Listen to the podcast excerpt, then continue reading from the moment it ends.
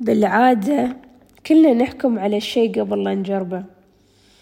أذكر يوم كنت صغيرة كنت أطالع برامج طبخ أجنبية وكيف يسوون الحلويات. في وقتها كان خاطري أجرب أسوي كيك بنفسي مش الجاهز.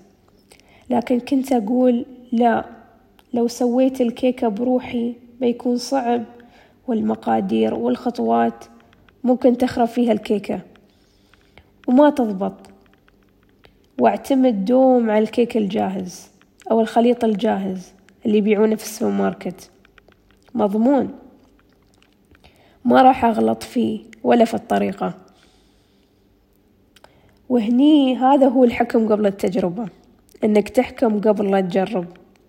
تحكم وحكمك هذا يبعد عنك فرص وايد. فرصة إنك تتعلم عن وصفة معينة في هذا الحال. وتكتشف فيها نفسك.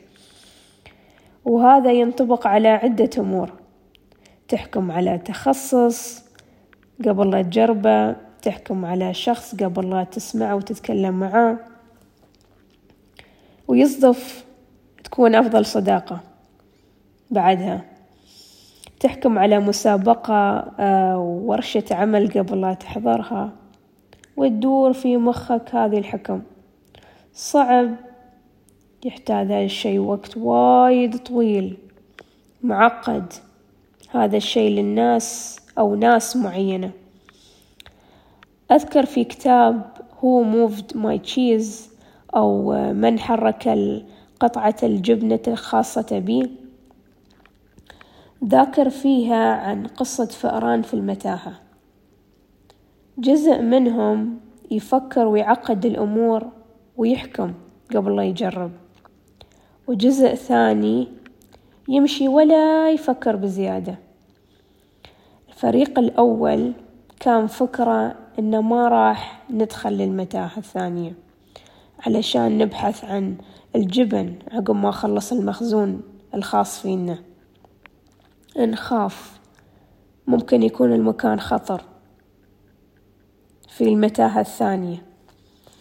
أما الفريق الثاني اللي ما يفكر بزيادة ويعقد الأمور يتحرك علشان يدور مكان ثاني أو متاهة ثانية. وصدف عدهم أن هذه المتاهة اللي عمرهم ما دخلوها أنها أفضل الأماكن لمخزون الجبن بدون أي حدود. يد في بالي هني فكرة. كم من تحديات صادفناها. وما دخلنا فيها. وكم من فرص ضاعت. التحديات اللي متخوفين نخوضها ونحط عليها حكم. تصدف تكون أفضل الفرص اللي ما تخطر على البال. واللي فيها علم ومنفعة.